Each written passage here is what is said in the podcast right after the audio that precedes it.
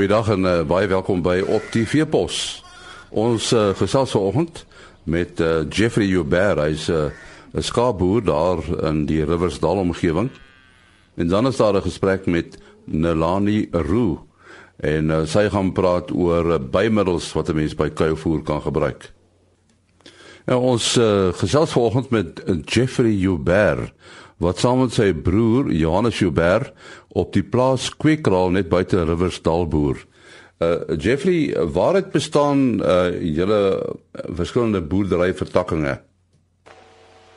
Enie ons boerdery bestaan uit twee vertakkings. Een is 'n skaapvertakking wat op aangeplante losering waar ek loop. Dit bestaan uit 40% merino stoetoeie wat is met ons beste merino ramme kunsmatig insemineer 20% merinos wat in vleisvoeding gekry word. En die beste F1 ooidammers word dan gestruktureer om die oorige 40% van die kudde op te maak. Hierdie laaste 40% word in terminaal met dormeramme gekruis. Dan ons het 'n saaibetakking wat so 60% van ons bewerkbare hektare beslaan. Dit bestaan ongeveer uit 60% koring, 20% gars en 20% canola. Nou jy jy het uh, self 'n voerkraal. Hoekom het jy besluit om 'n voerkraal op die been te bring? En nie ons wil soveel moontlik van ons eie hoë potensiaal lande onder kontant gewasse kry. Ons haal dus ons lammers vroeër van die weidings af, so ons het minder weidings hektaar nodig. Jy maak jou geld tussen speen en bemarking en ons wil graag self die waarde toevoeg. Ons kan ook ons voergraad grane hierso wat benut. Uh en dan is daar hierse kwa abattoir op Riversdal waar ons 'n 25% aandeel het wat 'n konstante behoefte aan lammers het. Nou jy het 'n spesifieke benadering uh, tot tot lamseisoene. Vertel 'n bietjie meer daarvan. Ons het drie lamseisoene in Maart, Julie en November maand. Die basiese beginsels waarby ons hou is jy moet jou ramme toets vir vrugbaarheid anders gaan jy nie weet of jy ooit kan vat nie. Ehm um, ons gebruik kokkelramme en dan skandeer ons ons oeye om een en meerlinge te onderskei en die droë oeye uit die stelsel uit te kry. Ons maak van kunsmatige inseminasie gebruik om die beste ramme tot ons beskikking op soveel oeye moontlik te gebruik. Ons begin dan vroegtydig om ons oeye op optimale kondisie te hou met die regte voer en doseerprogramme. Eenling oeye lam buite, maar ons meerlinge lam in lamhokke. En en uh, julle stoetkudde se seleksie, op watter kriteria is dit gegrond? Nee, nie die, die heel belangrikste is reproduksie. As 'n ooi nie lam nie, dan gaan sy hierse abattoir toe. En dan jou genetika. Jou oeye is belangriker as jou ramme. As jy nie goeie oeye het nie, kan jy nie self vervangingsramme teel nie. Ons klas visueel voor elke paring en ons kyk vir goeie balans tussen wol en vleis. En en julle wolopbrengs per jaar, wat beloop dit ongeveer? In ons area moet die skape wol kan dra. En ons wolopbrengs is so 7.5 kg per teelooi per jaar. En hoe lyk dit met die reën? Het julle genoeg reën gehad? Ons het goeie reën gehad. Hy het nou 'n bietjie af afgedroog aan die einde, maar ons sny dan nog lekker droogland dosering nou. Ons is regtig geseënd vir jaar. Ons het 'n ons 'n wonderlike wonderlike jaar gehad. Nou ja, dit was dan uh, Jeffrey Joubert wat saam met sy broer Johannes op die plaas Kweker Kweker al net buite Riversdal boer. Ons uh, gaan nou gesels oor kuilvoer bymiddels en die pad vorentoe. En ons praat met uh, die produkbestuurder van Vitem International, Nelani Roo. Uh hoekom uh Lenali, hoekom spit so baie boere hulle op die mark van kuilvoer toe? Man, weet jy nie, kuilvoer is 'n baie belangrike voedingsbron op die plase vandag. En dit is een van die min bronne waar jy eintlik in beheer is van jou kwaliteit en en 'n effek kan hê op die kwaliteit wat jy het.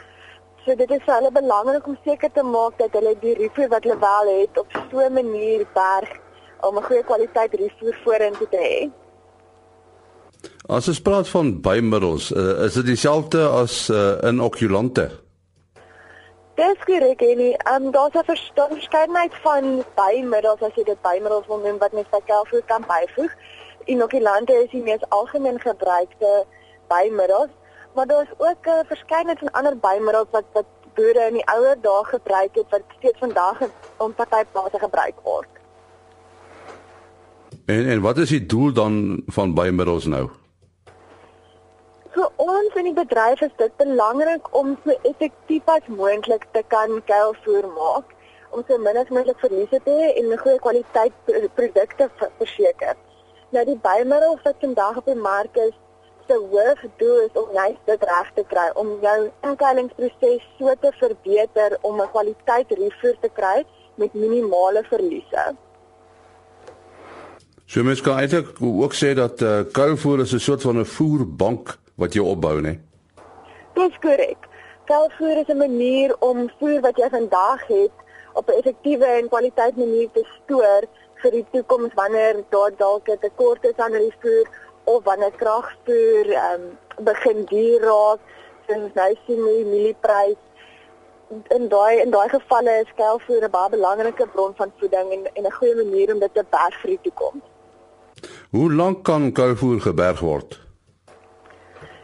Dit is absoluut afhangend van hoe goed jy jou kuilvoer gemaak het en hoe goed daai kuilvoer bewaar word.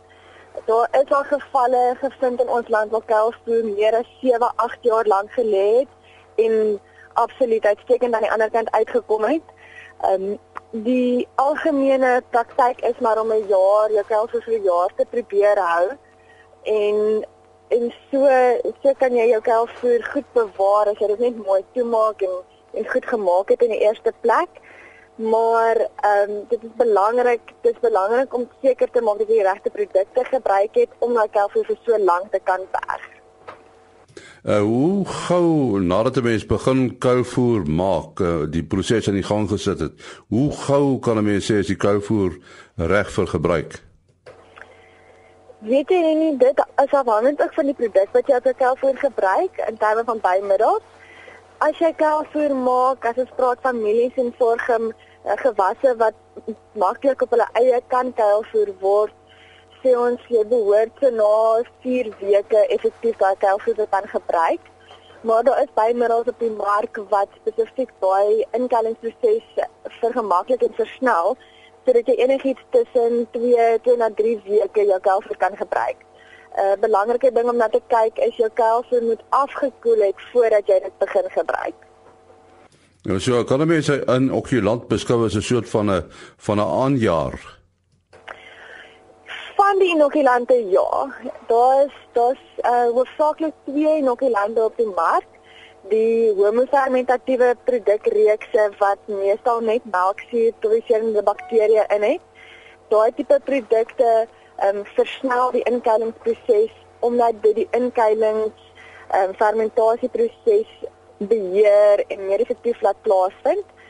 En dan het jy die heterofermentatiewe inokulant reekse wat meer fokus op jou stabiliteit van kuilvoer.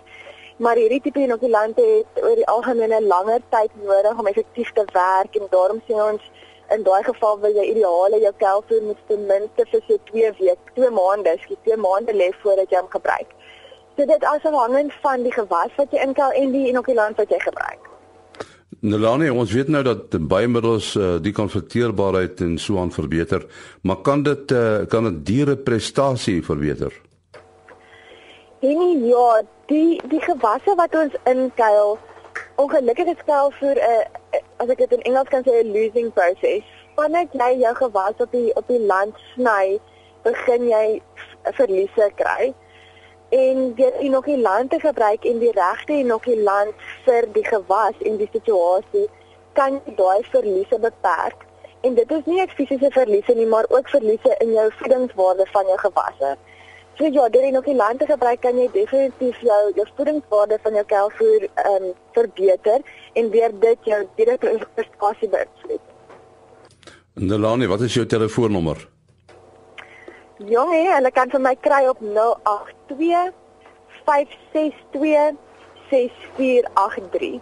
En hulle kan ook 'n uh, e-pos stuur na sales@vitam.co.za. daarmee ook die einde van ons program. Môreoggend om 4 voor 5 is ons weer hier. Tot dan alles van die beste. Ah.